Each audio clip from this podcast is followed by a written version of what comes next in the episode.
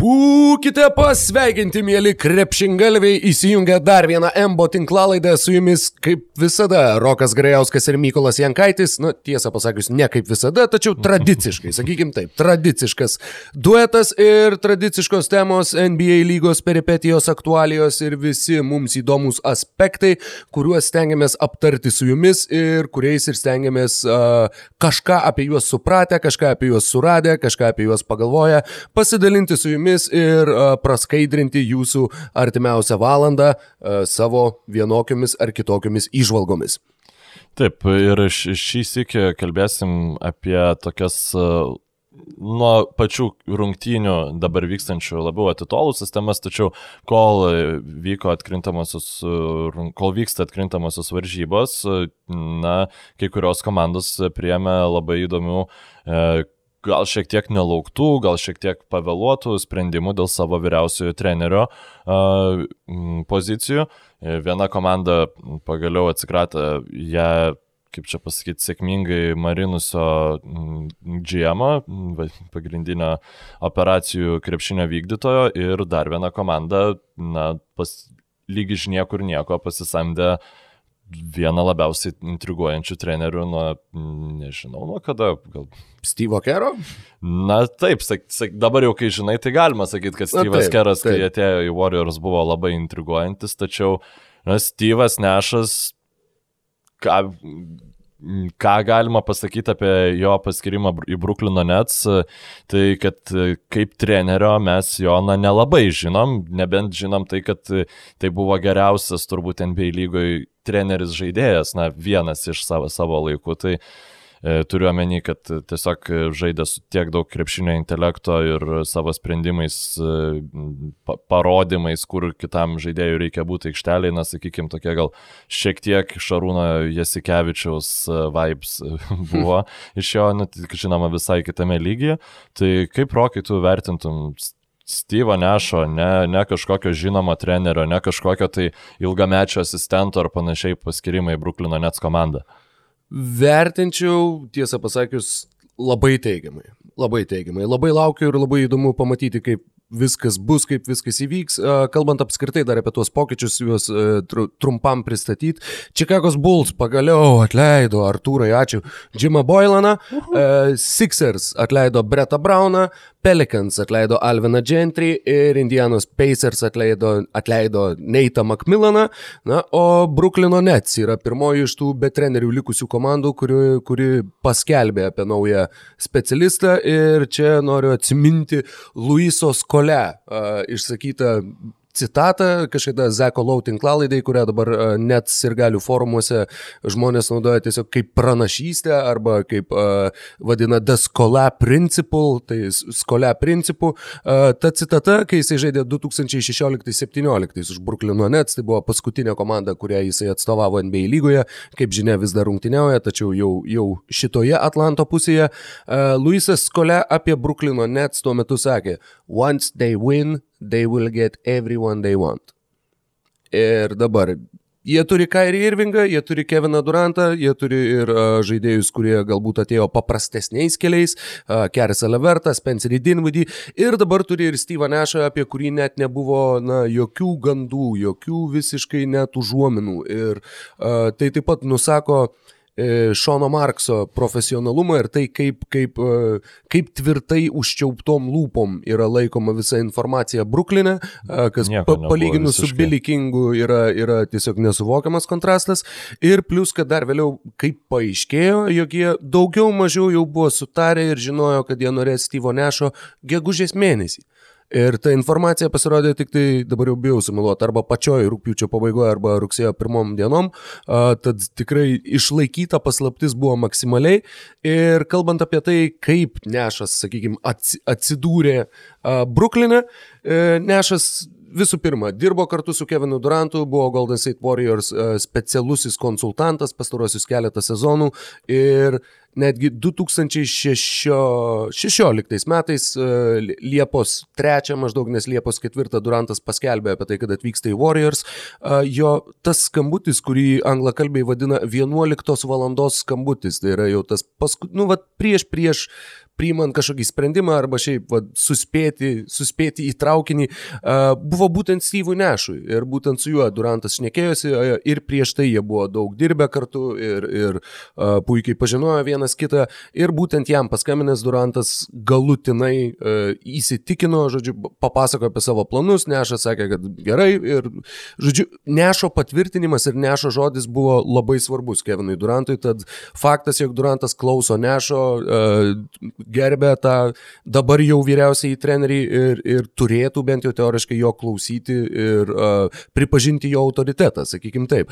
Uh, ir plus, 2017 m. vasarą uh, Kevinas Durantas kartu su Steve'u Nešu, Kerisu Levertu ir Šonu Kilpatricku treniravosi keturiese, tad du Bruklino net krepšininkai 2017 metais kartu su Kevinu Durantu ir Steve'u Nešu. Tai toks uh, tą akimirką galbūt niekas į tai pernelyg mhm. netkreipė dėmesio, tačiau dabar, žiūrint į tą faktą, atrodo, kad, hm, palauk, ar jis jau žinojo kažką tada, ko nežinojome mes.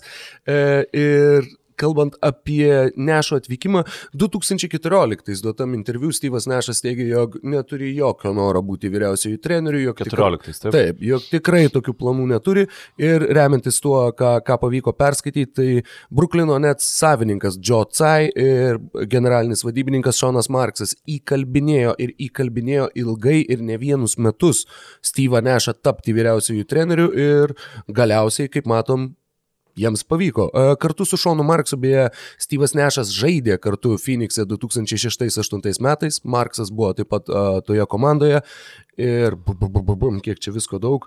Uh, dar vieną, dar vieną žmogų noriu paminėti ir nupasakoti, kadangi taip pat man tai pasirodė labai labai įdomi istorija ir tuomet jau užleisiu uh, žodį tau. Adamas Harringtonas yra vardas ir pavardė, kuris nesako absoliučiai nieko, matau, jog jau esi pasiruošęs googlinti. Jis yra net trenerių štabo narys, atsakingas už žaidėjų tobulėjimą. Ir jisai 2017 ir suorganizavo tą treniruotę Levertui ir Kilpatrickui kartu su Durantu ir Steve'u Nešu. Mhm. Jis yra buvęs asmeninis Duranto metimo treneris ir artimas draugas, tuo pačiu dirbęs ir Oklahomoje. 2016 metais, kai jį pasisamdė Nets, Adamą Harringtoną, jų puslapyje tos naujienos antraštė buvo Nets pasisamdė buvusį Kevino Duranto asmeninį trenerį. Tad 2000 17, right, right, čik, čik, pamečiau, pamečiau tekste, labai atsiprašau, 2016.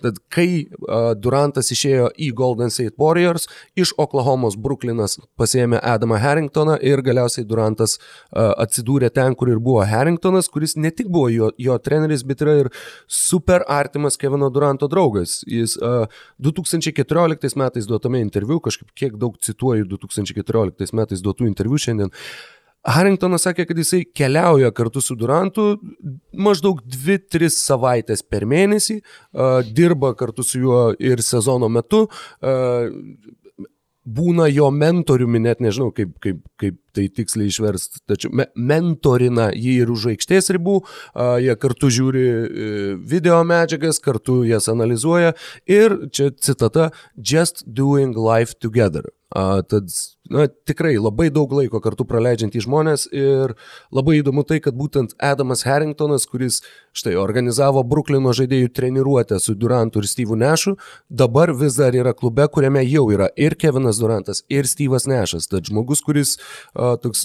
Pilkasis kardinolas. Būtent, nuėmė, nuėmė frazę nuo ležuvio. Uh, beje, Adamas Harringtonas yra žaidęs ir Europoje. Ir uh, 2006 lapkričio 14 Bamberge atstovavo vadovaudamas Bambergo klubui, jisai sumetė 17 taškų į Vilniaus ryto krepšį rungtynėse, broze, kurias Broze Basket laimėjo vienu tašku. Tad netgi ir Vilniuje jisai taip pat yra žaidęs, yra žaidęs prieš rytą ir štai dabar yra tas, galbūt ir yra tas pilkasis kardinolas ir apskritai tai, ką subūrė net ir kokie ryšiai, netgi trenerių štabo atrodytų kažkokio trečia eilio veikėjo, tačiau visą tai Šonas Marksas neabejoju, jog buvo apgalvojęs samdydamasis šį trenerį ir, ir visą tai atsipirko su kaupu į šitą situaciją galima žiūrėti iš nu, įvairių pusių. Viena vertus labai faina, kad ten visi vieni kitus pažįsta, tai reiškia, bus draug, nu, turėtų būti teoriškai draugiška aplinka ir visa kita. Antra vertus, mes paskui kalbėsim apie komandą, kur tie vat, visi ėjimas per pažintis ir pažinčių reikalai, nu, kaip sakyt, labai labai daug kainavo. Tai, tai uh, visai franšizai, tai na, įvertinti nešą kaip trenerių tiesiog neįmanoma. Įmanoma vertinti, na, kas buvo didžia, teoriškai didžiausią įtaką padaręs treneris Steve'ui Nešui. Maikas Dentonė. Nu, ne, neįsivaizduoju, gal, galbūt yra kitaip, galbūt pamatysim, kad yra visiškai kitaip. Šiaip tam žaidime, kurį sukdavo pats Nešas ir kurį puoselėjo tas vertybės Dentonė, Deandre Jordanui vietos, na, būt tikrai neturėtų, kur aš šiaip manau, kad Andre Jordanui vietos būti neturėtų, bet uh, Bruklino Nets komandai, bet turbūt be, beveik galim nebijot, kad reguliariame sezone Jordanas žais startį ir, ir žais ilgai, ar ne? Mm, vieną sakinį tik tai norėjau įterpti. Kai atleido Kenny Atkinsoną, Brooklynas, rungtynės. pirmos rungtynės su Žako Vanu, DeAndre Jordanas grįžta į startą vietoj Jareto Alano. Tad tikrai ten yra taip pat, sakykime, svertas, kuris turi labai daug įtakos ir DeAndre Jordano neleisdamas į startą gali susipykti su likusia organizacija. O šiaip man ne, nepavyko už, užgriepti informacijos, kas dabar bus su Žaku Vonu, ar jisai bus... Jis lieka, jisai Ai. lieka ir jisai turėtų tapti geriausiai apmokamu asistentu visoje lygoje. Nes jisai padarė viską, ką buvo įmanoma padaryti, kad užsirekomenduotų tą vyriausiojo trenerio pozicijai, bet e, akivaizdu, kad net nereikia trenerio, kuris iš e, Timoteo Luavo kabaro išspaustų maksimumą, jam reikia e, trenerio, kuris leistų žydėti kairį, keidį ir tiesiog... Levertui, Dinvidį. Taip, manau, kad Levertui ir Dinvidį leistų žydėti ir mažiau psichologinių įgūdžių ar mažiau autoriteto e, turintis, e, turintis treneris, tačiau Na, kiek mes ir kalbėjome apie tos netsus, kad e, kairį yra tokia šiek tiek tiksinti bomba ir jinai, jeigu jinai susproks prieš priešininkų, priešininkų rankose, viskas gerai, jeigu jinai susproks rūbinėse, tai na, tada gali kilti labai daug problemų ir ta nets mašina, kuri atrodo, na, kitą sezoną turėtų versti visiškai kalnus, pagal dabartinę sudėtį, na, automatiškai mm, finalų kontenderiai yra turbūt didžiausiai, ypač matant, kaip Milwaukee Bucks sekasi. Tai, Jūs dar turėsim pamatyti, kaip atrodys Durantas grįžęs, kadangi po, po Hilo traumos. E, na, turint omeny mm, Duranto talentą, tai visiems yra, na, jo ūgis nesumažės, metimas, aš manau, tikiuosi, kad irgi išliks toks, koks yra, galbūt mažiau matysim prasiveržimų ir naikinančių dėjimų, tačiau tas jo pavojingumas polime ir gebėjimas pasidaryti taškus tiesiog, m, kaip ir Vatkavai gali pasidaryti tos taškus, išmesdamas gerą metimą bet kokioje situacijoje, tikiuosi, kad tai turėtų ir keidė arsenaliai išlikti ir, e, na, tai manau, kad visiems bus geriausias tiek Bruklino Nets krepšininkas, tiek polime, geriausias krepšininkas rytų konferencijai. Na, mano būtų toksai spėjimas, galbūt jisai ir nepasiteisins. E, aš vis vien įsivaizduoju mm, Keviną, nu, geriausią Bruklino Nets penketą, kur Kevinas Durantas žaidžia arba greta Jareto Alleno, arba galbūt netgi žaidžia kaip pagrindinis lanko saugotojas. Ir aplink yra tie visi vyurkai, kuriuos dabar turi Bruklino Nets ir net nebejoju, kad tarp sezonų jie daro susimedžios bent vieną mm, tritaškį pataikantį ir gynyboje gerai atrodantį free ND tipo krašto polė. Ir manau, kad Nešas ir jeigu viskas būtų priklausytų grinai nuo jo, norėtų apstatyti Keidį ir Kairį, vad būtent tokiais krepšininkais. Kaip... Šonas Marksas uh, sakė, jog išsaugoti Joe Harrisą yra pirmas prioritetas uh, šitam Tikrai... tarp sezoniui ir, kaip matau, turi nesiginčiai. Taip, nes apskritai dabar atkrintamosiose mes pasižiūrėkim, kiek serijų tiesiog priklauso uh, rungtynių baigtis, nes visos komandos viena kita puikiai išskautinusios, visos e, dauguma komandų tikrai sugeba puikiai gintis gynyboje ir išardytos pagrindinius derinius. Ir dauguma komandų aukoja m, tritaškius metimus tam, kad komandos negautų lengvų metimų po krepšių.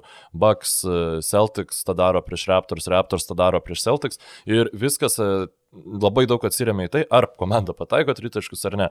Kad komanda pataikytų reguliariai tritaškius, reikia turėti puikių tritaškininkų komandų ir Joe Harrisas būtent yra tai, o sakykime, minusai gynyboje, na, jie, jie nėra kažkokie tragiški, tai ten nėra dabar, nežinau, nesugalvoju, kas čia. Džananas Musa? Nu, tai nėra Džananas Musa, tai nėra, sakykime, gal Kailas Korveris arba, arba J.J. Redikas, tačiau nu, Joe Harrisas irgi nėra puikus gynybinio plano krepšininkas, bet e, jeigu net yra prioritetas jį išlaikyti, tai tikrai nenuostabu, kodėl, nes tų metikų aplink žvaigždės reikia. Pasižiūrėkime, Lakers dabar tiesiog kaip yra sunku Lebronui, kai neturi to tokių krepšininkų, kuriuos jis turėjo Klyvlendą, nu, tai geriausiais laikais. Kalbant apie Kairį, man atrodo, jog Steve'as Nešas potencialiai gali būti, jeigu sakėm, kad Durantas yra tas, e, Durantui tai turėtų būti tas žmogus, kurį jisai gerbs ir kurio klausys.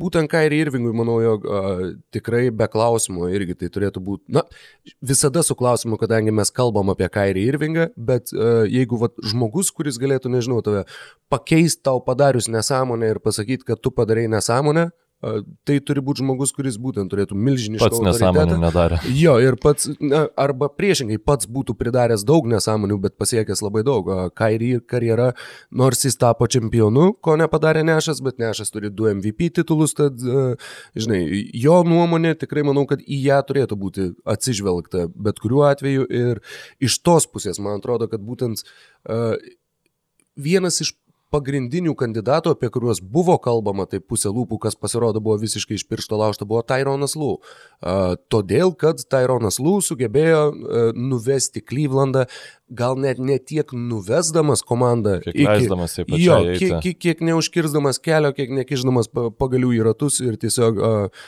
na, daug yra tos kritikos, buvo ir minčių, na, pozicijų, kad tai buvo tiesiog tas vadinamas yes man, kuris, žodžiu, pritarė visą laiką viskam, ką sako Lebronas ir tiesiog, na, iš esmės yra vos ne Lebrono asistentas, o ne vyriausiasis treneris. Ir dėl to Tyronas Lū buvo siejamas su Brooklynu, kaip yra siejamas ir su Filadelfija kažkur ten, kur yra labai aukšto profilio uh, žvaigždės, žvaigždės kurios gali būti nelabai sukontroliuojamos ir Tyronas Lūva būtent dėl savo žygio 2016 metais yra laikomas tuo strategu, kuris gali sukontroliuoti žvaigždės. Uh, tad Steve'as Nešas, nulis vyriausiojo trenerio darbo patirties, kas yra uh, retas atvejis. Asistentų irgi. Taip. Nėra, taip. Yra buvęs konsultantas Warriors ir yra buvęs O olimpinės e, Kanados rinktinės e, vyriau e, generalinių vadybininkų. Taip, žodžiu, tai, ir, ir, ir tai apskritai su, su Kanados rinktinė jisai yra dirbęs daug metų ir jam taip pat yra priskiriama nemažai jaunų žaidėjų uh, na, sakykime, ne tiek talento, kiek teisingos tobulėjimo krypties, kalbant apie visokius Gildžius Aleksandrius ir, ir kitus jaunus krepšininkus, kad su visu tuo jaunimu vis viena jisai kontaktuoja, jisai stengiasi jiems duoti kažkokius patarimus, kadangi jo irgi yra didelis interesas būtent užauginti Kanados rinktinę. Dabar klausimas, kiek jisai skirs tam dėmesio, manau, kad labai minimaliai, kadangi darbas Bruklinė pareikalaus daug laiko, bet tuo pačiu jisai padėjo pamatą labai gerą ir Kanados rinktinė tikrai žiūrint į tuos jaunus žaidėjus ir į potencialą atrodo uf, tiesiog gazdinančiai gerai. Kas dar? Bandė, čia tikra istorija, Styvas Nešas, tapęs vyriausiųjų trenerių, bandė pasikviesti savo asistentu Dirką Novickį.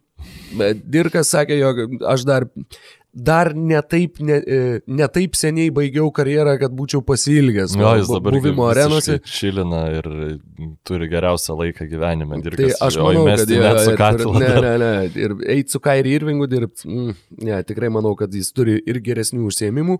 Uh, tik antras kanadietis vyriausiasis treneris lygos istorijoje, Steve'as Nešas po J. Triano, kuris pasirodo vis dar buvo tik tai vienas vienintelis kanadietis, vadovavęs komandai. Uh, Ir labai įdomus, na, toks pastebėjimas, kur kažkaip tai pradėjau galvoti, kad, uh, nes daug kas sakė, na, vat, kad štai pasamdė uh, kre, krepšininką iš esmės, kuris neturi trenerio patirties ir kaip čia va gali sektis. Pastarasis toks variantas buvo Steve'as Keras, kuris atėjo, jis dirbo prieš tai Phoenix'o Suns generaliniu vadybininku, dirbo valdyboje, dirbo televizijos apžvalgininku, įsiamžino netgi 2014 metų NBA 2K žaidime, tame, kurį daugiausiai man yra tekę nu, nuzulinti ir todėl visą laiką, ypač jeigu su atnaujintom sudėtim, tu žaidži už Warriors arba prieš Warriors ir Steve'as Keras šneka apie tai, ką galėtų padaryti Steve'as Keras, na, žodžiu. Anyway, uh, Steve'as Keras Nikas Narsas, Tyronas Lū, Apie Gregą Popovičių jo koledžo statistikoje, kur ten buvo, net neatsimenu, kada 60s turbūt, man atrodo, kad 60s, tad 70-metį, rašo guard, prie jo nėra a, platesnio apibrėžimo, tačiau jo ūgis 1,88 m, jo tiesa asistų statistikos taip pat nėra, kadangi net tie laikai dar kol kas niekas jų neskaičiavo, bet a, būtų galima spėti, kad jisai taip pat turbūt buvo įžaidėjęs savo na, neilgai trukusios karjeros metu. Ir jeigu Popovičius buvo įžaidėjęs, tai pastarasis NBA čempionu tapęs treneris nerungtynevęs į žaidėjo pozicijoje buvo Rikas Carlislas 2011. Atakuojantis gynėjas jis buvo savo NBA karjeros metu, o visi kiti titulai Nikas Narsas buvo įžaidėjas. Uh, Erikas Spolstra profesionaliai žaidė antroje Vokietijos Bundeslygoje, kur buvo žaidžiantis asistentas, nežaidžiantis treneris, tačiau na, žaidžiantis asistentas ir jisai taip pat buvo įžaidėjas. Tad... O tai čia paskutinis tada treneris, kuris nebuvo gynėjas. Filas Jacksonas. Filas Jacksonas. Jo, sunkus kraštas savo karjeros metu. Taip norėtus dabar toliau, ar Filas Jacksonas yra vienintelis treneris, kuris e, nebuvo gynėjas laimėjęs čempionų žiedus per pastarosius 30 metų. Labai labai būtų įdomu pažiūrėti. Nes, nu, Bulls, aišku, šeši, čempiona, e, čempionatai labai padeda susiaurinti. E, Rudy Tomjanovičius nebuvo gynėjas, man atrodo, irgi. Jo, jo, Rudy Tomjanovičius. Rudy Tomjanovičius. E, be jokios abejonės 2 metrai 3 cm puolėjas. Nu va, viskas. Tai, nu. Uždarom šitą tada klausimą. Tai e, kaip manai, kuri, kuris, aš manau, mes jau atsakėme klausimą, kuris, kokio tipo treneris bus nešas, bet e, tiesiog norėčiau šiek tiek biškai nukrypti mūsų kolegų podcastą, kuomet Basket News podcaste Jonas su Karoliu ginčiasi, na, ne kaip ginčijas, bet kalbėjo apie tai, koks treneris yra Martinas Šileris, dabartinis e, Žalgirio strategas.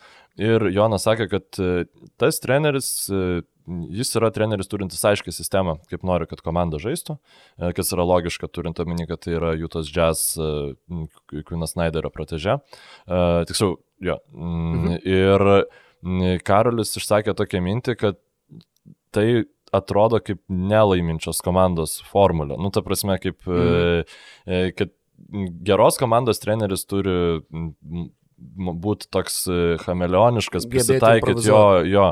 Ir e, aš dabar matydamas šias atkrintamasias rungtynes, na, tuo metu taip smarkiai nepritariau šitai pozicijai, bet dabar Budenholzeris, Macmillanas, Bretas Braunas, treneriai, kurie turi labai jo, ne, ne, nelankstus, labai, labai aišku nuspėjamą žaidimo būdą, jie žiauriai atsitrenkia į sieną atsitrenkė į sieną šiuose atkrintamosiuose ir du treneriai iš tų trijų nuo tos sienos atšoko ir iškrito jau iš komandos. Aš manau, kad Nešas tikrai, nu, žiauriai nustepčiau, jeigu jis ateitų su savo sistema, kurią norėtų, kad visi žaidėjai vykdytų ir žaisim tik taip ir ne kitaip. Mhm. E, šiaip dar kalbant, nu, Maikas Dianton irgi turi savo sistemą, kurią visą, visą laiką žaidžia, tai reikia dar šito ne, ne, nepamiršti irgi va, tokio e, senesnio plauko treneris. E, teoriškai didžiausią įtaką Steve'ų Nešui padariusio uh, trenerio. Taip, tai ir yra tie treneriai, kurie bando taikytis prie kiekvienų rungtynių, ten bražyti taktinės schemas ir panašiai, nu Stevensas ir Narsas e, šauna į, į galvą. Yra va, tie treneriai, kurie turi savo konkrečią sistemą ir yra tada treneriai, kurie tiesiog suteikia laisvę žvaigždėms, geriausiams komandų krepšininkas, leidžia jiems jaustis gerai, juos, kaip čia pasakyti, paprotina, ten galbūt duoda to tokio psichologinio kažkokio, kažkokio labiau psichologinės pagalbos negu nu, taktinių patarimų ar tai taktinių nurodymų, galbūt patarimų, tai be abejo, nes taktinių ką duoda.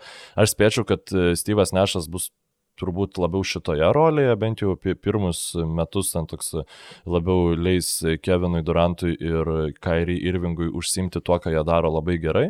Ir jeigu jie tai, ką daro labai gerai, darys sėkmingai, net gali gal ir čempionų žiedus, laimėt, kas čia žino. Kaip manai, ar net reikėjo, ar, ar pritarė pirmiausia mano šitai teorijai ir ar manai, kad net sam reikėjo tokio tipo trenerio ar galbūt kažkurio iš tų vat, kitų dviejų variantų? O, sakau, šituo atveju turbūt vat, klausimas, kuris ir buvo stipriausias, buvo būtent susikalbėti su žvaigždėm. Ir a, šitą komunikacijos aspektą dabar pastaruoju metu taip pat labai, labai stipriai akcentuoja netgi kiti klubai, kuriuos dar aptarsim, kurie ieško, kurie ieško vyriausių trenerių, nes būtent tas tie pavyzdžiai, kai, kai treneris yra kiek uh, užsiskleidęs savyje, sakykime, nėra atviras kažkokiem pasiūlymam, laikosi to paties e, vieno, e, vienos idėjos ir, ir nėra pasiruošęs jos keisti, e, dabar tai pamažu tampa vis didesniu minusu ir, kaip čia pasakyti, vis, vis ryškesnė raudona vėliavėlė. Jeigu tu nesusikalbi su krepšininkais, tai tu ir, ir neturėtum faktiškai dirbti vyriausiųjų trenerių. Tad Steve'as Nešas aš, na, kaip pasakyti, šimtų procentų tu negali nieko garantuoti, bet aš manau, kad jis tikrai susikalbės su žaidėjais. Ką jau ką, bet su žaidėjais susikalbėti šitas žmogus tikrai turėtų. A, tad tai turbūt buvo tasai svarbiausias aspektas ir svarbiausias kriterijus, į kurį yra atsižvelgia Bruklinas ieškodami savo stratego. Ir tuo pačiu, jeigu iš tiesų jie ne vienus, ten faktiškai ne vienus metus bandė jį kalbėti, tapti vyriausiųjų trenerių ir ateiti būtent į Brukliną, tad manau, kad jie irgi turėjo žinot, juo labiau, kai Marksas, generalinis vadybininkas, yra žaidęs kartu su Nešu, manau, jog tikrai turi žinot tas komunikacijos savybės ir, ir tuo ir remtis paskirdami būtent šį strategą vyriausių trenerių. Aš nežinau, ar Tyronas Lū būtų buvęs daug geresnis variantas, ar net nežinau, kokie kiti variantai buvo minimi, kadangi... Popovičius buvo labai minimumas vienu jo, metu. bet man niekada tai neatrodė logiška. Ne, ne, ta prasme, ne, net nešoviai galva, Aš būčiau kas būtų jeigu. žiauriai norėjęs to. Mm nu, ta prasme, čia būtų wow, tiesiog pamatyti Popovičius su tokiu talentu, vėl dirbantį, kaip tas visas atrodytų, būtų va, žiauriai įdomu, bet irgi, nu, palikti sparsus dėl netsų, nu, kažkaip. Ja, dėl Duranto ir Irvingo, nu, visiškai ne Popovičiai šiškai skamba, sakyk tu man, ką nori. Beje, e, Steve'as Nešas keturis sezonus e, buvo treniruojamas Maiko D'Antoni Phoenix'e, e, ten pat jį dar treniravo Terry Porteris vieną sezoną, Alvinas Gentry trejus metus, o strategas, su kuriuo jisai dirbo visų ilgiausiai, Donas, e, nuo 98 iki 2004 šeši sezonai Donas Nelsonas Dalaso Mavericks klube, tad taip pat žmogus, kuris buvo na, laikomas, pelnytai laikomas inu, labai inovatyvių trenerių, labai nestandartinių idėjų atsinešusi su savimi ir tuo pačiu sugalvojusių vietoj. Terminas point forward atsirado dėl Dono Nelsono ir to, kaip jisai išnaudojo. Uh, Phil Pressy buvo, man atrodo, tas bičias. Čia 80s Milwaukee Bucks, tai aš bijau, kad... Gal... Ne, Philas Pre... Ne, atsiprašau, ne Philas Pressy, čia jaunesnis. E, nu, vat, iš smalsumo labai noriu Jo, Donas Nelsonas. Polas, Polas Presi, e, originalusis point forward, kur būtent Donas Nelsonas ir sugalvojo, kad koks skirtumas, kad tu lengvas kraštas, tu gerai valdai kamlį, tu gerai atiduodi perims, tu pas mus inicijuosi polimą. Jo, ir jis nebijodavo niekada žemesnių krepšininkų pastatyti prieš aukštesnius, kas dabar jau lygo yra, nu, absoliučiai visiška norma ir e, tikrai su įspūdingais treneriais dirbo Steve'as Nešas, na galbūt atmetus e, Alviną Gentry, šitą, kurio dienas atėjo į pabaigą. Ir nežinau, dar turi kažką papildyti, ar galime judėti ties Alvinu Gentry, Bretu Braunu ir Neitu Macmillanu? Turbūt, kad kadangi dar ir kaip tik paminėjai e, Alviną Gentry, E, tai manau, kad tas perėjimas būtų visai smagus. E, tiesa, dar turiu pasitaisyti, su Maiku D'Antoni dirbo Styvas Nešas ir Leikeriuose taip, dar taip, taip. porą metų. Tad po šešis sezonus tiek su vienu, tiek su kitu uh, tokiu tikrai išskirtiniais ir išskirtinio mąstymo treneriais. Kalbant apie Pelicans, paminėjai, jog jie atleido Alviną Gentry, penki sezonai, kuriuos praleido Alvinas Gentry naujajame Orleane, 175 pergalės, 225 pralaimėjimai reguliariu, e, reguliariuosiuose sezonuose, vieną kartą patekta į atkrintamasias, kur 4-0 ta įspūdinga ir visiškai netikėta ir nelaukta, žiauriai lengva atrodytų pergalė prieš Portlandą, o, taip, tas... kai Drew Holiday ir Ražonas Rondo suvalgė Lillardą ir, ir CJ McCollumą, ir tada 1-4 nusileido paleista Golden State Warriors konferencijos pusfinalį. Jie atrodė seri, toje serijoje taip sakyčiau, visai neblogai, nu, turint omeny, kad žaidė prieš tai Golden State Warriors. Tai yra auganti komanda, kuri jau lyg tai va, kažką tai nuveiks, bet uh, plus man susimalė netgi, kai pamačiau tą, kad vieną kartą atvedė Gentry į atkrintamasias Peligans ir galvoju, nu ne vieną, dar buvo dar vienas, kur Deivisas pataikė sezono paskutinėse rungtynėse susirena tokį super sudėtingą tritaškį ir ištraukė, kad jie būtų aštunti. Tai Monty Williamsas tuomet vis dar vadovavo komandai, tai buvo paskutiniai metai, uh, jeigu ne, taip, 2015, uh, jie gavo tada 0-4 nuo Golden State Warriors, kurie keliavo link savo pirmo šios eros čempionų titulo. Ir be Monty Williamsas, kuris, na, ir dabar Phoenixo burbulo valdovas. Vienintelė burbulė nepralaimėjus komanda yra Taip. Phoenix'o Sans. Ir nebepralaimėsinti. Ir vienintelė, kuri turėjo aš, turi 8-0 pergalių seriją, nes dabar to, šiuo metu tokios komandos nėra. Dar, dar yra šansų, kad atsiras, bet kol, kol kas ne. Tad, tad uh, jo rezultatai per tuos penkis sezonus, kiek jisai dirbo, buvo 173 pergalės ir 221 pralaimėjimas. Tad faktiškai identiškas skaičius.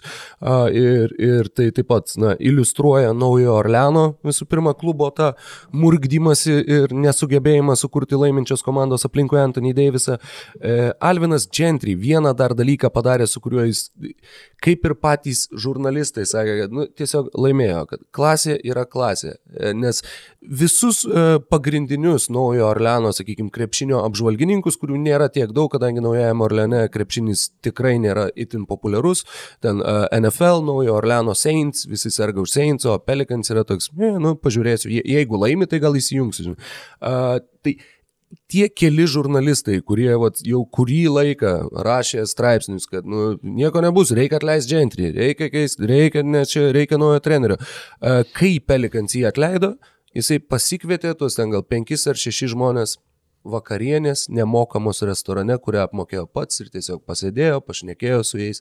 Na nu, ir žodžiu, kad visi patys tie žurnalistai buvo apakę ir ten jų uh, tweetai buvo apie tai, kad, nu blema, nu, to, va, būtent to, tokios aukštos kultūros žmogaus, kur va, mes ką tik tai laikyk, faktiškai važiavom, kad tave turi išmesti iš darbo ir tave išmetė iš darbo ir tu pasikvietei, žinai, va, laimėjai vis vieną tą situaciją ir a, tiesiog man pasirodė labai gražus šitas, šitas tas kadras ir negalėjau jo nepaminėti. Matyt, viena iš priežasčių, dėl ko Alvinas Žentri taip ilgai išbuvo trenerio pozicijoje, nepaisant dėl to, kad e, na, komanda reguliariai nepasiekdavo tų tikslų, kurie būdavo iškeliami prieš sezoną, tai tiesiog būtent tas e, tobulumas jo kaip žmogaus, jį, jį labai mėgo žaidėjai, jį labai mėgo visi kolegos, e, personalo darbuotojai, na, ta prasme, apie gen, Gentrį kaip žmogų aš ne, nesu girdėjęs, kad kažkas kažką blogo pasakytų, dėl to visą laiką būdavo randami kažkokie pasiteisinimai, kad, na,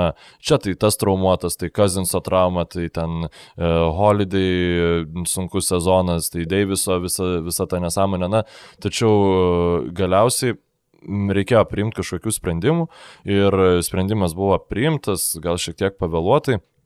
Aš dabar galvoju, kad Pelikans dar yra na, nežinau, ar galima taip e, sakyti, kad jiem reikia kokio trenerio trim metam, kad e, vad būtent įformuotų į tą kažkokią, suformuotų pagrindinę sistemą, kurioje ta komanda galėtų žaisti, kad būtų sistema pastatyta taip, kad Zajono Williamso pliusai maksimizuoti, minusai. Williamsono, atsiprašau, bet rėžiausi. Williamsono, labai atsiprašau. Uh, nu, maksimizuoti jo pliusus, minim, uh, sumažinti minus, minusus iki kiek įmanoma labiau, kažkaip apstatyti aplink jį gynybą ir tada bandyti papulti atkrintamasis. Dabar rūpintis tuo, kad atkrintamosiose ten mes susidursim su komandom, kurios e, visiems tos minusus išnaudos ir treneris gali būti šiek tiek nelankstus e, ir prie jų nelabai ne, ne sėkmingai prisitaikins. Na, aš nežinau, ar e, reikėtų, man, kaip, kaip tu manai, ar, ar reikia, ar reikia dabar ieškoti trenerio, kuris galėtų žiedus laimėti su Pelikans mm. komanda, ar kuris yra, galėtų yra, tiesiog padaryti normalią reguliaraus sezono komandą iš naujo. Ta paralelė labai gera ir nu, turbūt pati taikliausia, plus iš netokios tolimos praeities yra, kad jiems dabar nereikia Steve'o Kero, jiems dabar reikia Marko Jacksono, kuris pas, va, pastatytų tą pamatą. Aš nekalbu, kad jiems reikia pasisamdyti Marką Jacksoną, gink dieve ne, čia tik tai uh, palyginimas ir paralelė, jog, uh, tarkim, dabar, pavyzdžiui, Milvokio irgi ten sirgalių formuose žmonės sako, kad va, va dabar va mums reikia atleisti savo Marką Jacksoną ir pasimti savo Steve'ą Kerą, kadangi dabar mes turim tą pastatytą komandą, bet su šituo treneriu jinai nenueis niekur.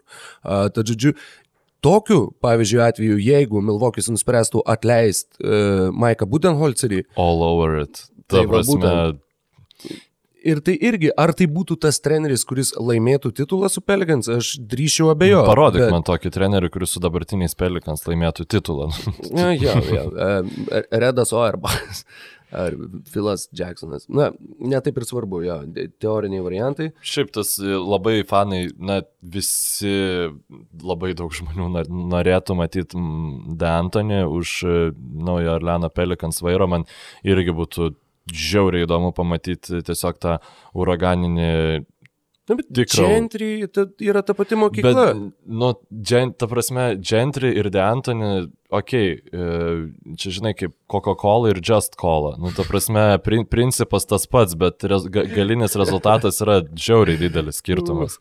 Tai aš manau, kad e, vien tai, kad oi mes čia žaisim greitai, na, neužtenka. Daug trenerių gali ateiti ir pasakyti, mes žaisim greitą krepšinį. Bet yra treneriai, kurie gali tą įgyvendinti taip, kad kitos komandos, nu, tiesiog prapultų.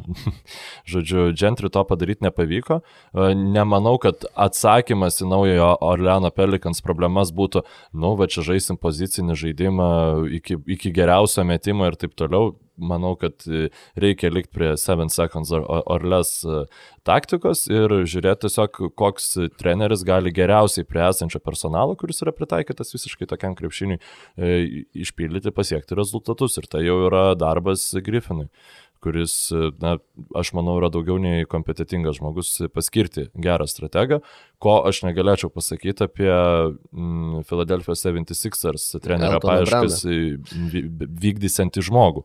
Nebent dar ties Pelikans kažką norėjai e, pridėti. Uh, jo, kaip tik dar galvojau, kad e, Pelikans va būtent pastaraisiais metais, nu gerai, Gentry, kaip dar apibūdinti tą žaidimą, nu, bandai žaisti greitai. Ir, o čia labiau gynybinė, labiau polimo komanda. Taip, šiais metais buvo e, 15 polimas 21 gynyba, pernai 12 polimas 22 gynyba, dar prieš metus 12 polimas 14 gynyba, dar prieš metus 26 polimas ir 9 gynyba ir dar prieš tai 18 polimas 26 gynyba. Šią sezoną buvo mm, po, gynyba geresnė už polimą. E, 16 217. Čia Kazinso AD? Ne, Kazinsas 217 buvo, man rodos, iškeistas į... į uh, galiu greitai suieškoti iš smalsumo, kas būtent buvo toje komandoje tais metais. Gal, bet dar Šikas žaidė kartu su Deivis. O dieve, Šikas. Bet jo, jam ir labai nesisekė su tom traumom, nes labai. ir Šikas, Erikas Gordonas, Rainas Andersonas, Tyreekas Evansas, jie visi buvo pasimti už didelės sumas ir visi buvo nuolat traumuoti. Tad, tad tikrai buvo na, ne vien Alvino Gentry, sakykime, kaltė, bet buvo ir, ir didelių, didesnių iššūkių, bet tuo pačiu buvo ir, nežinau, ir permokėta Solomonui Hillui ir kitų taip pat Delo Demso sprendimų buvo a, smarkiai abejotinų.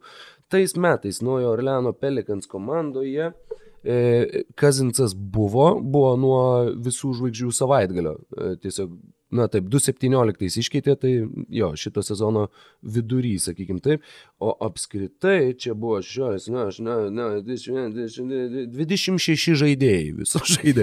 Tais metais už Pelikans, tarp jų beje buvo ir Donatas Motejūnas. Uh, kokie treneriai yra siejami su šituo klubu, darbu, kurį pats Davidas Griffinas pavadino geidžiamiausių darbų NBA lygoje, kaip pats taip pavadini, tai gal ir nelabai taip solidžiai skamba, tačiau, na, dirbti su Zionu, su Ingramu, su Lonzo Baulu. Ir su krūva, su, su galimybė išsimanyti Drew Holiday į labai ką nors, kas tau e, galėtų padėti e, lipdyti komandą toliau, e, su krūva šaukimų, su kuriais irgi galima manipuliuoti kaip nori. Jo, aš manau, nu, kad čia nėra pernelyg jau išleidžiamas. Holiday klausimas beje yra viena iš tų temų, kurias uh, stipriai aptarinėja naujo Orleano, sakykim, krepšinio rašytojai, kadangi jau šį tarp sezonį jie gali prasitęsti su juo e, kontraktą, pasirašyti ilgalaikį kontraktą, bet e, klausimas, ar jie norės tą daryti, ar pats Holiday norės tą daryti, ar visgi bus ieškomi mainai. E, žmonės, kurie yra siejami su vyriausiojo trenerio pozicija, tai mano jau minėtas Tyronas Lou, Jasonas Kidas. Kenny Atkinsonas ir Žakas Vonas iš, iš Bruklino. Ir dar vienas vardas, kuris yra labai įdomus dėl savotiškos priežasties e, žmogus, kuris yra beproto artimas su Brentonu Ingramu, kadangi jie būtų yra iš Kinstono miesto Šiaurės Karolinoje, beje, Zajonas yra iš Pietų Karolinos, tad ten kaip ir, kaip ir giminaičiai beveik. Tai yra uh, tuoj dar bandau greitai atsidaryti jo pasiekimus, nes kiek pamenu, taip, e, NBA G lygos čempionas ir metų treneris su Raptors 905 klubu, žmogus, kuris buvo minimas kaip kandidatas e, pakeisti Dvainą Keisį, tačiau dabar dirbantis Vanderbilto universiteto strategų, dirbo šį vieną sezoną, tai Jerry Stackhausas. Ir galbūt ir čia būtų tarsi viena iš tų, na, vienas iš tų sprendimų, kur tu kaip ir imi nepatikrintą trenerį, bet tuo pačiu kaip ir jau žinai, kad jis yra geras treneris. Plus Jerry Stekosas labai uh, savo visą žaidimo filosofiją grindžia tuo, kad yra, skaičiau jo citatų, kur jeigu tu nesigini, tu sėdi. Tad, žodžiu, labai reiklus gynybai ir dar plus, jeigu uh, apie Ingramą jis yra sakęs, jog aš į jį jau žiūriu net, net ne, kaip į, net ne kaip į bičiulį, bet vos ne kaip į savo vaiką, kadangi uh, nuo ten, nežinau, nuo ankstyvos paauglystės jisai visiems padėdavo ir taip toliau, nes tas pats labai nedidelis miestas, plus su labai žiauriu nusikalstamumu ir, ir na, kaip nemažai kur Junktinėse Amerikos valstijose. Tad, sakau, dar, dar ir tas ryšys taip pat yra, o turėti tokį artimą santykį su labiausiai patobulėjusiu sezono krepšininku, sveikinu teisingai atspėjus, e, tikrai, tikrai manau, kad šviečiasi visai logiškai ir Man bent jau šitoje vietoje aš tikrai nepykčiau, jeigu Davidas Griffinas sugalvotų išbandyti. Jeigu jie pasiimtų Jasoną Kidą, nu tu sakai, kad Jerry yeah. Staghausas yra nepatikrintas, tai Jasonas Kidas yra patikrintas ir, ir yra, yra patikrinta, kad jis, nu, jis, aš nežinau, jis Lietuvos ryto negalėtų treniruoti, aš nekalbu apie naują Arleną Pelikas. Žiauriai blogas treneris, tikrai e, tokia talentinga Milwaukee Bucks komanda murgdė surtose, nu, kelis sezo, sezonus ir e, Jerry Staghausas, na, turi viską, kas e, leistų manyti, kad tai galėtų būti treneris, kuris labai e, solidžiai įsipaišytų NBA lygoje. Jau. Tai yra pirmiausia, kad jisai neskuba niekur, jis laukia, aš nebejoju, kad jis jau turėjo daugiau negu vieną pasiūlymą, bet jis e, priims tik tai tą, kuris bus rimtas. Ir Tyronas Lū, aš tiesiog nematau tikslo, nes mm. mes kalbėjom su tavim ką tik, kad jisai irgi jo visas yra rezumė tai, kad jis leidžia žvaigždėm jaustis gerai, Aš manau, kad šitom žvaigždėm dar nereikia jam leistis, jos būtų baisiai gerai. Disciplinuota gynyba, jeigu sugebėtų tą būtent Jerry Stackhausas, tarkim, sukurti, arba, nu, apskritai, kad tai yra va, tas dalykas, kurio reikėtų, reikėtų pelikanam, tai tas, uh, kaip čia pasakyti, atsakomybė Neitas arba accountability. Uh, Neitas Macmillanas. Nu, jis tikrai nežaistų greito krepšinio, bet... Oi, ne. Ir plus, nu, jo. Gynyba. Na, apie, jį, apie jį dar uh, pakalbėsim ir manau, kad netgi galim pakalbėti jo, ir dabar. Jo. Tad Pacers atleido Neito Macmillaną po keturių sezonų, kuriuos jisai praleido Indianus vyriausiojo trenerio poste. Trys iš keturių sezonų baigėsi sausais pralaimėjimais pirmame etape. Ketvirtas buvo jų pikas 3-4 prieš Clevelandą 2018, kai, kai o, nuostabi serija vis dar atsimenu. Ir, ir... Kiek galėjo pasikeisti, jeigu būtų šiek tiek kitaip tos rungtynės susiklošusios. Jo. Uh, jo, tad Nepaisant to, kad visus šituos sezonus, uh, sakau, trys iš, vis, visą laiką krito pirmame etape, tris kartus iš keturių gavo sausai, nepaisant to, kad visada buvo ketvirta arba penkta komanda rytuos. Tad labai puikiai iliustracija. Irgi reguliariam sezone, tu kažkur aukščiau bambos truputėlį iššokį, bet atėjus atkrintamosiams irgi treneris nelankstus, polimo sistema uh, gerokai pasenusi, labai nemoderni, labai daug, uh, labai daug nepasitenkinimo buvo ir iš žaidėjų, kiek teko skaityti, ir galiausiai, kad, uh, na, yra tų dalykų, kad, pažiūrėjau, o jisai pralošė 0-4 prieš Miami, nu, bet jisai neturėjo Sabonio, bet jisai turėjo Leisgyvį Oladipo ir kaip čia trūko krepšininkų ir visa kita. A, taip, Brogdonas, Oladipo, Warrenas, Sabonis ir Turneris. Tas numatytas starto penketas prieš sezoną, kartu per visą sezoną sužaidė 86 minutės. Uh, tad, nu, tikrai nebuvo sezonas lengvas, bet, uh, sakau, ir žaidėjų nepasitenkinimas, visų pirma, Malcolmas Brogdonas buvo kiek teko skaityti, kiek gandų teko matyti, kad labai nepatenkintas tuo, kaip jis yra išnaudojamas, ko iš jo yra prašoma, ko iš jo reika, yra reikalaujama. Jis puikiai mesdavo iš pagavimų, jis Milvokė turėjo 50-40-90 sezoną, atvykęs čia, vietoj 43 procentų tritaškių krito iki 33, uh, iš žaidimo nuo 51 iki 44, abu pastarėjai skaičiai žemiausi jo karjeroje. Uh, tad nebuvo, sakykime, atskleistos jo stipriosios pusės, jo manimu, e, buvo ir daugiau žaidėjų, kurie buvo nepatenkinti, tačiau jie nebuvo įvardinti ir e, daug kas tiesiog spekuliavo, kas tai galėjo būti, kad galbūt tai e, Oladipo, galbūt tai dar kažkas, Dagas McDermottas ir dar visokių kitokių variantų teko matyti. Čiu, čiu, čiu, čiu, čiu. Puolimas šiais metais, ai, čia taip pat išsirašiau visus tos dalykus, kad Čia buvo aišku tiesiog, kur yra trenerio stipriosios pusės, jisai sustiguoja gynybą, jisai uh, su tuo neįtin kūrybingu, bet labai sistematišku žaidimu taip pat uh, atrakina lengvus kraštus. Bojanas Bogdanovičius sužaidė nuostabų sezoną, pasirašė gerą kontraktą su Juta. TJ Warrenas taiga tapo burbulo dievu ir, ir uh, taip pat atsiskleidė. Iki burbulo irgi žaidė lab, žymiai solidžiau negu buvo galima galvoti. Prasme, Warrenas buvo kaip e, balastas nu, nusiųstas į Indianos Pacers kaip prastas kontraktas ir jis tapo... Taip, jie jį gavo nemokamai. Taip, nemokamai. Taip, e, jiems nėra taip, kad dar antrą raundų šaukimą gavo kartu. Nu, Gali būti, kad bet... pasimtų. Jo, ir aš Makmilano vien juodai, nu, ta prasme, e, negalėčiau sakyti, kad jis ten tikrai labai prastas dalykas buvo Indianos Pacers komandai, nes, kaip tu ir sakytų, pasiteisinimų daug tai tikrai, nu, tiesiog ne, neturėjo sveikos komandos, nu, jo žvaigždė pagrindinė jau nu, ne, ne, nebėra ir turbūt nebebus ir pas kitą trenerį toks. Uh, beje, šiam tarp sezonėje taip pat Oladipo gali pasirašyti kontrakto pratesimą, jo kontraktas baigėsi kaip ir Janio 2021, tad arba prasitęsti iš anksto, ko jisai turbūt nenorės, nes jam tikrai komanda nesiūlys maksimalių pinigų, kai su jo sveikata yra tiek daug klausimų, tad su Oladipo dar... Iš Oladipo vietoj agento vietoj tai siūlyčiau, jeigu kažkokį kontraktą pasiūlys, nu, reikšmingesnį, e, tai tikrai pasiimti, nes e, tie, nu, tu gali prarasti labai daug pinigų, nes jeigu dar, dar ateinantį sezoną žais taip pat kaip žaidė, vat, pavyzdžiui, šitam burbulė ir panašiai, jis gali tapti e, komanda jį pasiema už 5 susidėdė. milijonus sezonui, Taip. galbūt, vat, nu, kaip Tracy mm, McGrady, pavyzdžiui, buvo, ja. kaip Kazinsas dabar yra. E, tai jeigu duoda 50 milijonų garantuotų pinigų, 60 imk ir, nu, ir viskas. Mano toks būtų pasiūlymas, aišku, aš galbūt, galbūt jis sužydės ir gaus maksimumą, ką žinau. Įdomu tai, jog uh, sirgaliai bent jau forumuose, taip pat, na, mano dauguma informacijos ir pasiruošimo atkeliauja būtent iš tenai, nes netingiu skaityti valandų valandas.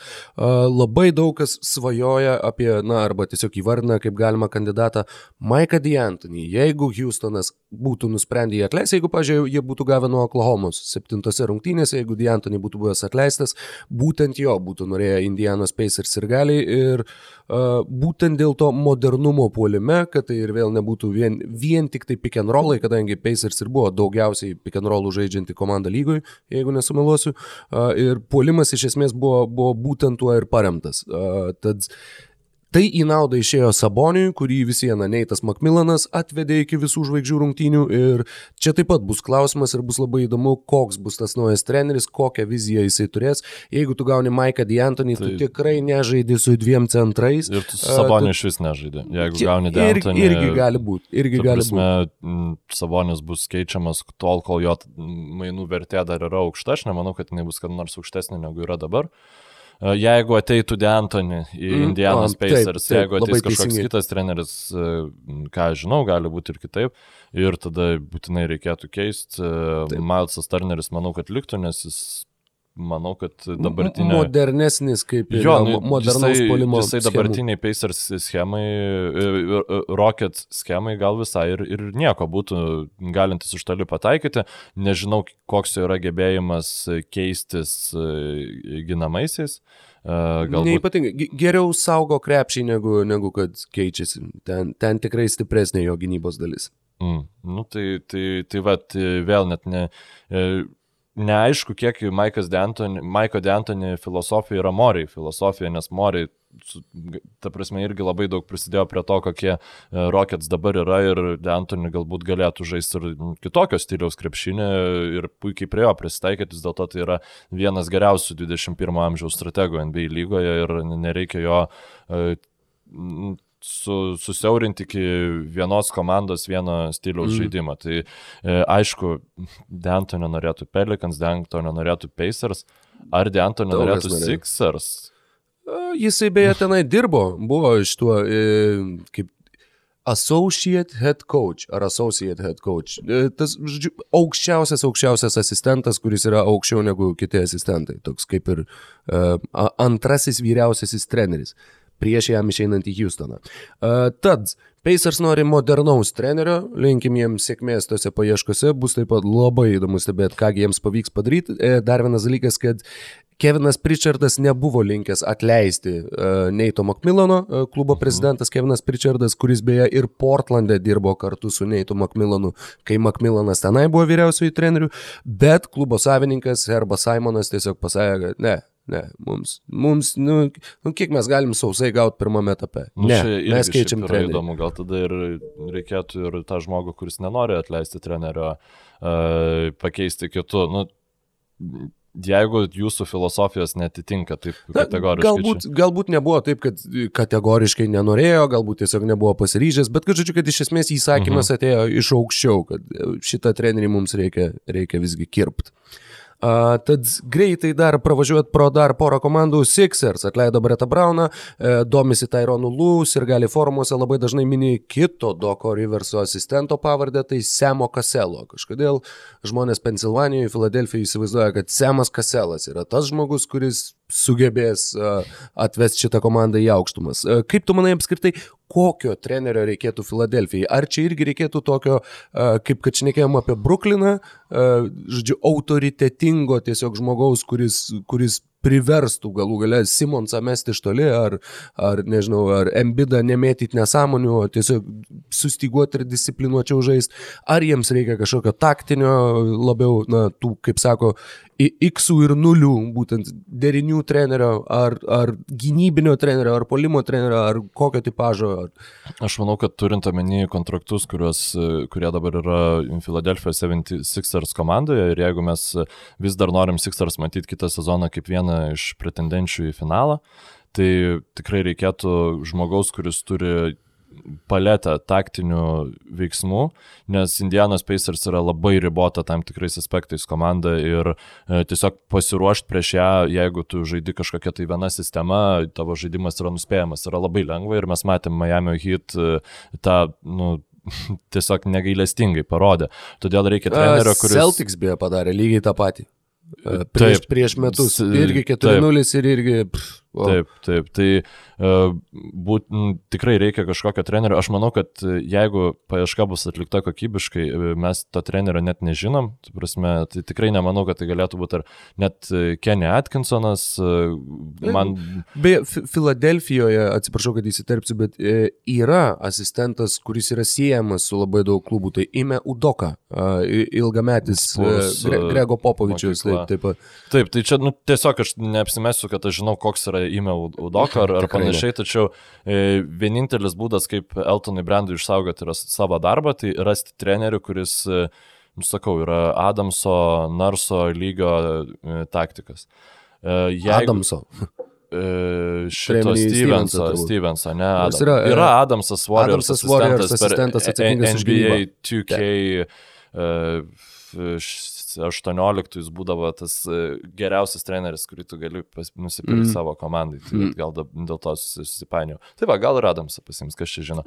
Ką, um, tai va, e, aš, jeigu būčiau Sixer savininkas, tai pirmiausia daryčiau pakeitimus nuo Eltono Brando, nes e, komanda yra sulibdyta be idėjos ir ja. e, tiesiog... Buvo sun... bandyta žaisti Olin, kai dar nereikėjo bandyti žaisti Olin, kai buvo tiesiog, kai tu... gautas ir Harrisas, ir Butleris, ir tada tie permokėjimai tiek Harrisui, tiek Horfordui, kur tas kontraktas dabar atrodo iš vis tiesiog Nu, aš galiu pasakyti, kad aš, kaip ir dauguma NBA fanų, nu, nenuspėjau, nenuspėjom, kad Horfordas bus taip e, blogai, nes tikrai bendras atsiliepimas apie Horfordui atėjus į Sixers buvo puikus backupas Embidui, gali žaisti ir šalia Embido, vis, nu, ta prasme, tai yra tobulas, tobulas fitas, dėl to verta už jį tiek mokėti. Jimmy Butleris buvo gerai, bet e, jisai, nu, tiesiog neužkam, neužkamšė tų spragų, kurios buvo alinančios e, Sixers spragos visą laiką. Na, mes reagavom, mes nieko neišmanom. Yra, yra džiemai, kurie turėtų geriau žinot negu fanai ir ja, šitaip, šitaip dėja ne, ne, nebuvo. Be, Eltonas Brandas irgi faktiškai beveik be patirties tapo to generaliniu vadybininku. Jis buvo daugiau patirties negu Nešas, turi savo poziciją. E, ne, jis vieną sezoną Delavaro Blue Coats padirbo, tai jų galygos komandai, vieną sezoną ir tada tiesiog, kadangi buvo Briano Colangelo epiškas Twitterio skandalas, e, kur neva jo žmona galiausiai paaiškėjo, kad ten e, atskleidinėjo informaciją apie, ten, žodžiu, vidinius klubo reikalus ir panašiai. Ir tada kažkaip jiems reikėjo greitai užkimšti tą atsilaisvinusią vietą ir jie Na, štai pasėmė šiaip, Eltoną Brandą. Aišku, tas Eltono Brando plakimas yra gal šiek tiek ir, ir bereikalingas, nes yra kaip ir su šalių prezidentais, taip ir yra su komandų tais džiemais. Ne, ne kiekvieno džiemo galios turėjimas yra lygus kito džiemo galios turėjimui.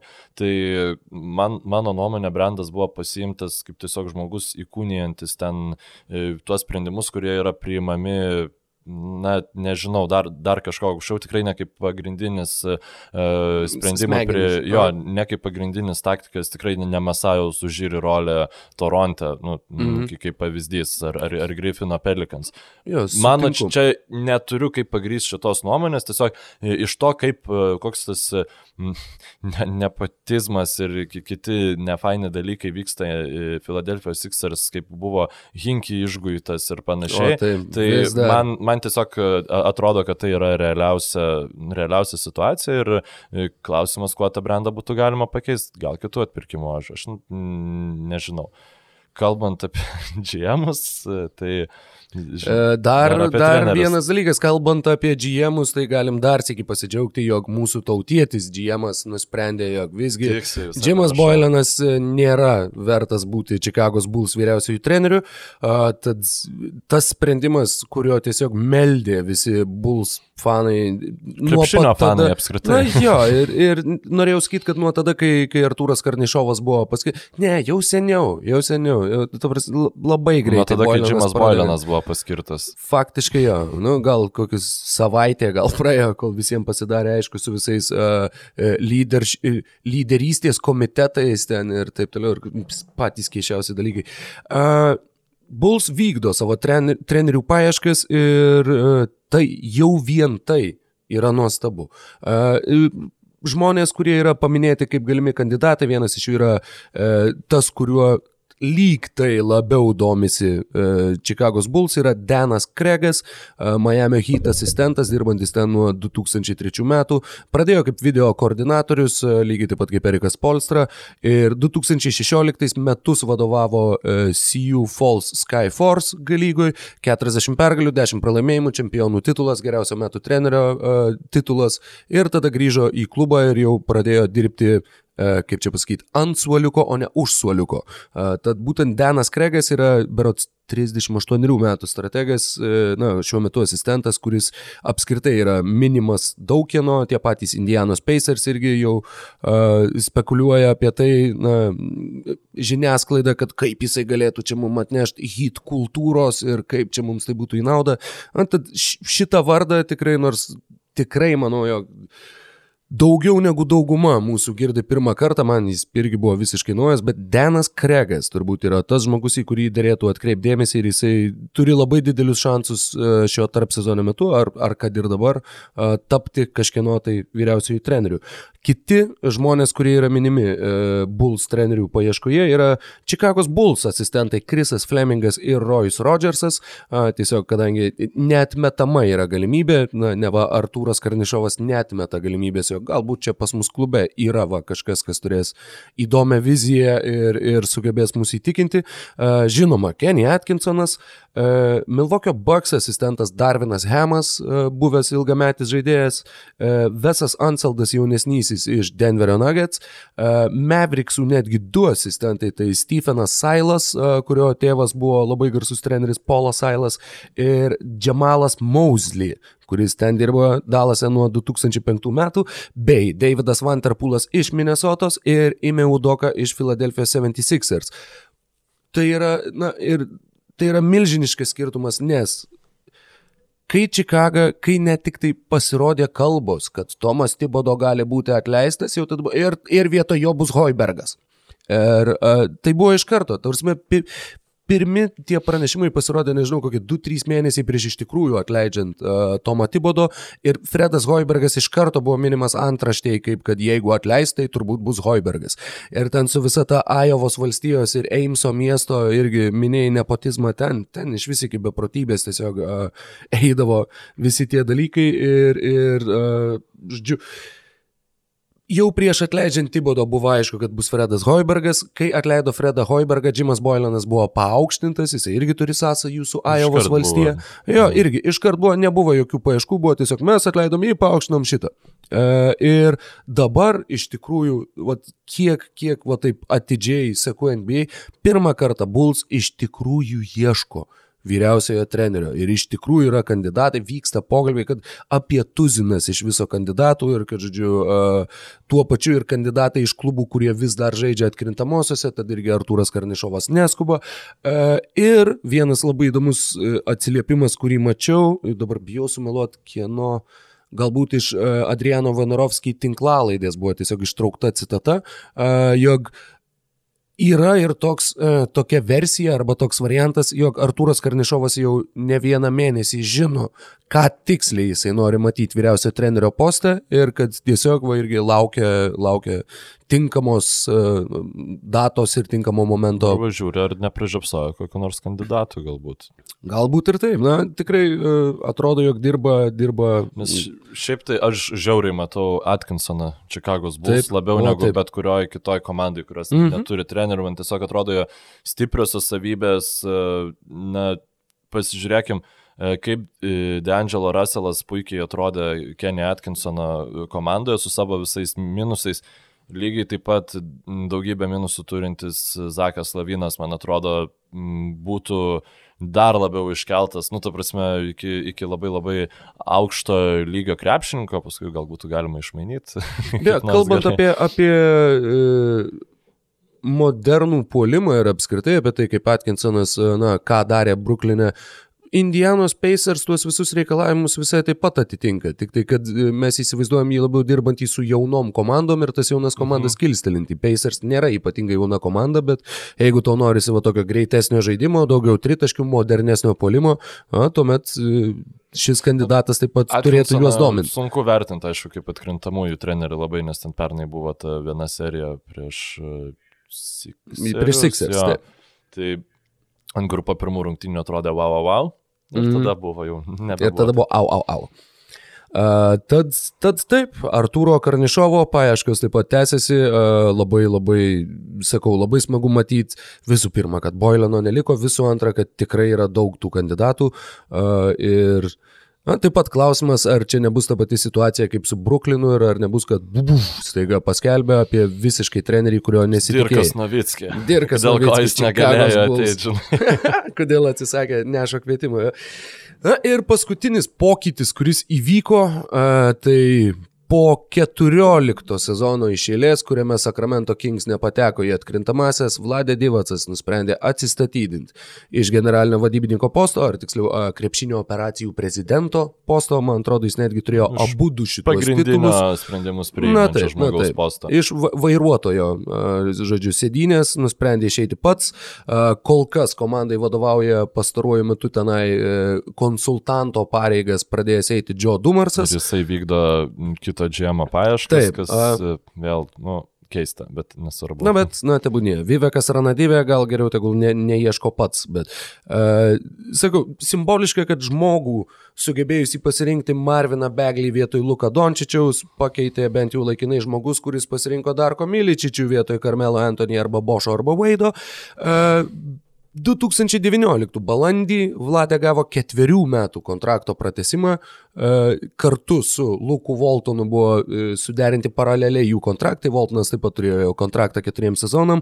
Ir dar labiau simboliška, kad Voltono, Luko Voltono treniruojamoje komandoje likus dienai, lygiai dienai, iki reguliariojo sezono pabaigos, buvusi klubo žvaigždė tapusi e, klubo vairuotoju netikėtai pasitraukė iš savo posto. Tas pats buvo su Magicu Johnsonu Los Andželė, tas pats su Vladė Divacu Sakramente. Tad sutapimas yra toks, kad jis, wow, ok, Lukai, ok. Ir, na, pabaigai, nežinau, čia galbūt kažkiek tai pasikelt nuotaikai, kažkiek tai, kažkiek tai pakrizent, kažkiek tai galbūt ir, ir pažiūrėti kiek truputėlį kitaip į Divaco sprendimus. Vienas dalykas, kuris man labai patiko, aš netgi galvojau, gal tiesiog išskirti, nu, vat, yra trys man turbūt ryškiausi veidai, kur pamatai tą, tą vardą, pavardę ir, ai jo, ir tokį dar buvo pasiemęs. Ir uh, pirmi du įrašai Vladė Divaco darbo, darbo na, pasiekimuose ir sprendimuose buvo dešimties dienų kontraktas su Davidu Weru. Hmm, ir dešimties dienų kontraktas su Simu Bularu. Ar atsimeni pirmą indą žaidusi NBA, kuris tikrai ne dėl to, kad klubo savininkas indas ir bandė populiarumą pakelti, tikrai ne, ne, ne, ne. ne, ne pa, e, ir dėl to buvo labai įdomu pažiūrėti, ką dabar veikia Simas Bularas. Ir Simas Bularas pastarosius ketverius metus žaidė Taivano lygoje su pertrauka sezono, kurį praleido Kinijos antroji lygoje. Kaip čia, nu, kinai leidžia taip Nu, va, matai. Paimti ir iš Taivano lygos ateiti, pažaisti, tada vėl į mm. Taivano lygą. 2015 Liepą Vladė Divacas atliko tuos mainus, kurie jau tada iš karto buvo na, kalami prie kryžiaus, kai tiesiog labai norėjo laisvų agentų Vladė ir išsiuntė Karlą Landry, Niką Stauską, Jasoną Thompsoną į Filadelfiją kaip a, a, algų kepurės atlaisvinimą, bet tuo pačiu pridėjo teisę Filadelfijai 2017 apsikeisti e, šaukimais su Sacramento Kings ir 2019 neapsaugotą Sacramento Kings šaukimą net ne top 3 apsaugotą, ne, tiesiog neapsaugotą.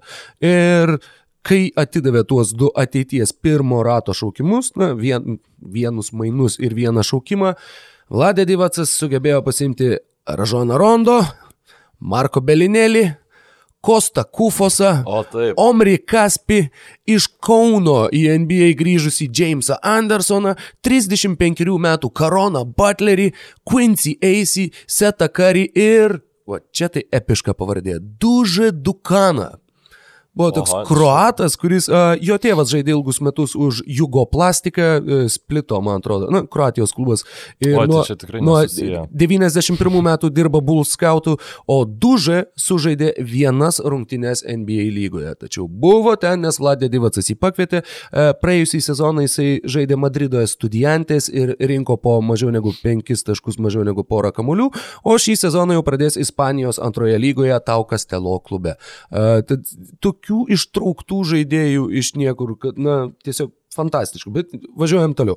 E, tą vasarą būtent Monta Ellisas pasėmė mažiau pinigų iš Pacerių, kad galėtų tiesiog nežaisti už Kings, e, o mainais darbėje e, Sakramentas gavo tuo metu teisės į Artūrą Gudaitį ir Luką Mitrovičių, o su uh, tuo pasikeistu šaukimu uh, jie gavo žemesnį šaukimą, tai jie gavo penktą 2017 biržui ir jie pasirinko Diaroną Foxą.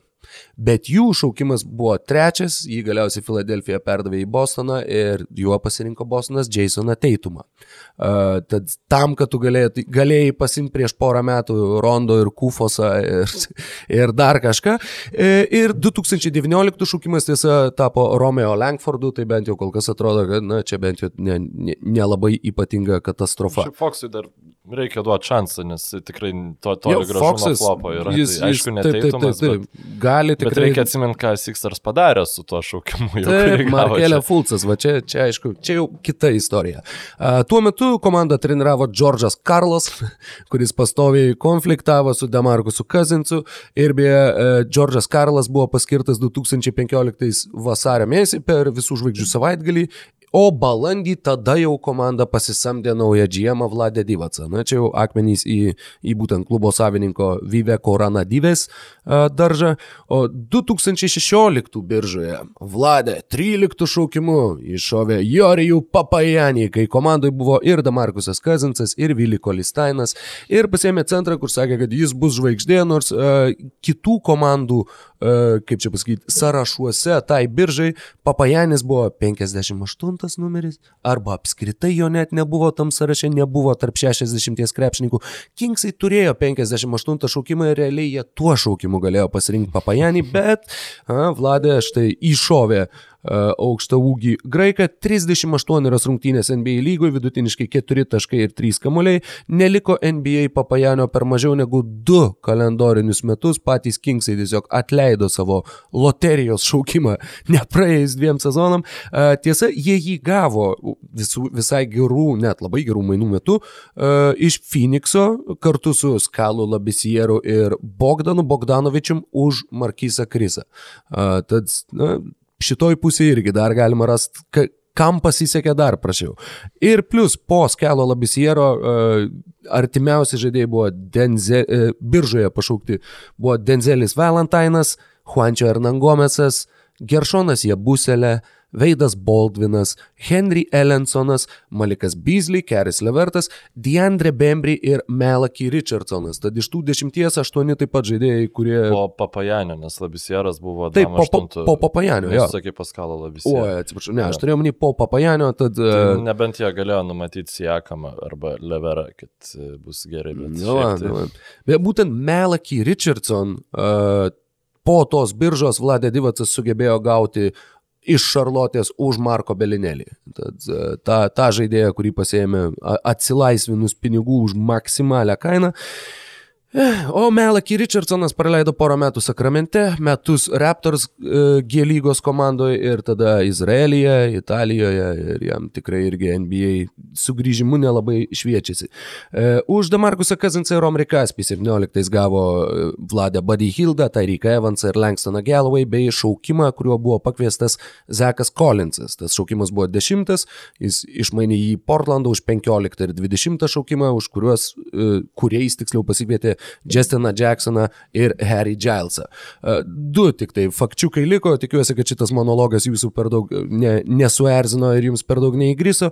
2017 nutiko žiauriai įdomus dalykas. Tai Nix generaliniu vadybininku, e, kai tapo Steve'as Millsas klubo prezidentu, pasamdė Scottą Perry kuris tuo metu dirbo Sacramento Kings krepšinio operacijų viceprezidentu, buvo antras žmogus po Vladės organizacijai. Už tai Nix nusintė Sacramentui kaip kompensaciją 219 antro rato šaukimą. Kings pasirinko 219 biržoje e, tuo šaukimu žaidėją, kurį iš karto išmainė į New Yorko Knicks. Atgal ir taip Ignas Brasdeikis pravėrė NBA duris. O Perry prieš atvykdamas į Sakramentą eilę metų dirbo Detroit'e su, drumroll please, Joe Dumarsu. Ir jau dabar netgi yra kalbama, kad, kad Kings gali būti, kad būtent šitam žmogui siūlys savo krepšinio, e, na, jau pirmos mhm. galvos vietą ir tokiu atveju jie greičiausiai nusiųstų dar vieną šaukimą į New Yorką už tai, kad atgautų uh, žmogų, kurį paleido 2017 metais. Tad mainų karuselė truputėlį kosminė ir 2018 metais manau, kad galim ir baigti Vladė Divaco darbų visą, visą recenziją. Marvinas Begley antruoju šaukimu. Vladė sakė, jog vis dar tiki, jog Begley bus labai geras, jog žmonės turi turėti daugiau kantrybės ir čia jis nesigaili, kad jisai pasėmė Marviną Beglį ir negana to. Antrame rate jie 37 šaukimų pasikvietė krepšininką ir jie atidavė už 2,19 ir 2,21 antro rato šaukimus bei pusantro milijono JAV dolerių, atidavė į Portlandą Gary Trentą jaunesnį. Tad... Jis yra dabar geresnis negu Mervinas Beglį. Nu, šiuo metu. jo, iš esmės jo. Iš esmės jo. Tad tiek apie Vladę Divaco uh, įspūdingą įvairiom prasmėm uh, sugrįžimą į Sakramentą. Uh, šiaip jau sirgaliai, na, fanai forumuose ir apskritai visur. Vienas dalykas, kurį labai pripiešė Vladė Divacui, tai kad jisai visą laiką, kai jį pamatai nuo jo gali užuosti raudoną Marlboro, netgi jeigu jisai toli nuo tavęs yra patalpoj, bet jis visada paduoda gerai cigaretėm. Ir yra viena legendinė tiesiog nuotrauka, kurią galite susirasti ir patys. Vladė Divacas sėdi savo darbo kabinete, e, už jo yra tokia na, lenta, kurioje viskas yra susižymima ir ten yra toks e, paveiksliukas, ženkliukas su, e, kaip čia pasakyti, marionetės e, virvutėmis, na, žodžiu, aluzija į Krikštatėvio filmo plakatą ir užrašas The Vladfather. Tad su Vladfatheriu mes ir atsisveikiname su jumis ir dėkojame jums visiems uždėmesį. Ačiū, su jumis buvo Embas ir uh, kalbos apie tuos dalykus, kurie nevyksta kiekvieną naktį, o kalbos truputėlį iš uh, tolimesnės perspektyvos, truputėlį labiau iš viršaus ir uh, su jumis kaip visada, beveik visada, kaip tradiciškai buvo Rokas Grajauskas ir Mykolas Jankaitis. Sėkmės.